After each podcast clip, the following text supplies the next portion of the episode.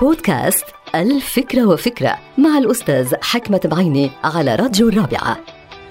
من المعروف أن المحبة بتشمل أرقى أنواع الحب الصافي واللا مشروط والمتبادل بين الناس. هي موقف إيجابي من الأحداث والأشخاص والأفكار والمعتقدات والقضايا. هي وقفة إنسانية تمنح الأشخاص والمؤسسات والشعوب بغض النظر عن أي تمييز بغض النظر عن الجنس الآخر أو الانتماء العرقي أو الوطني أو القومي. المحبة في هذا السياق هي قوة فاعلة ومستدامة بغض النظر عن مواقف الأشخاص والمجموعات والشعوب.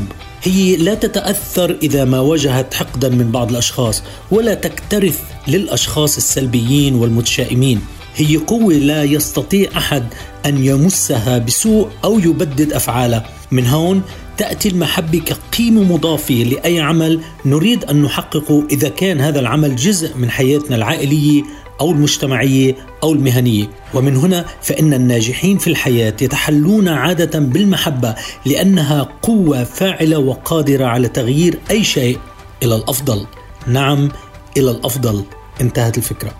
هذه الحلقة مقتبسة من كتاب الفكرة وفكرة.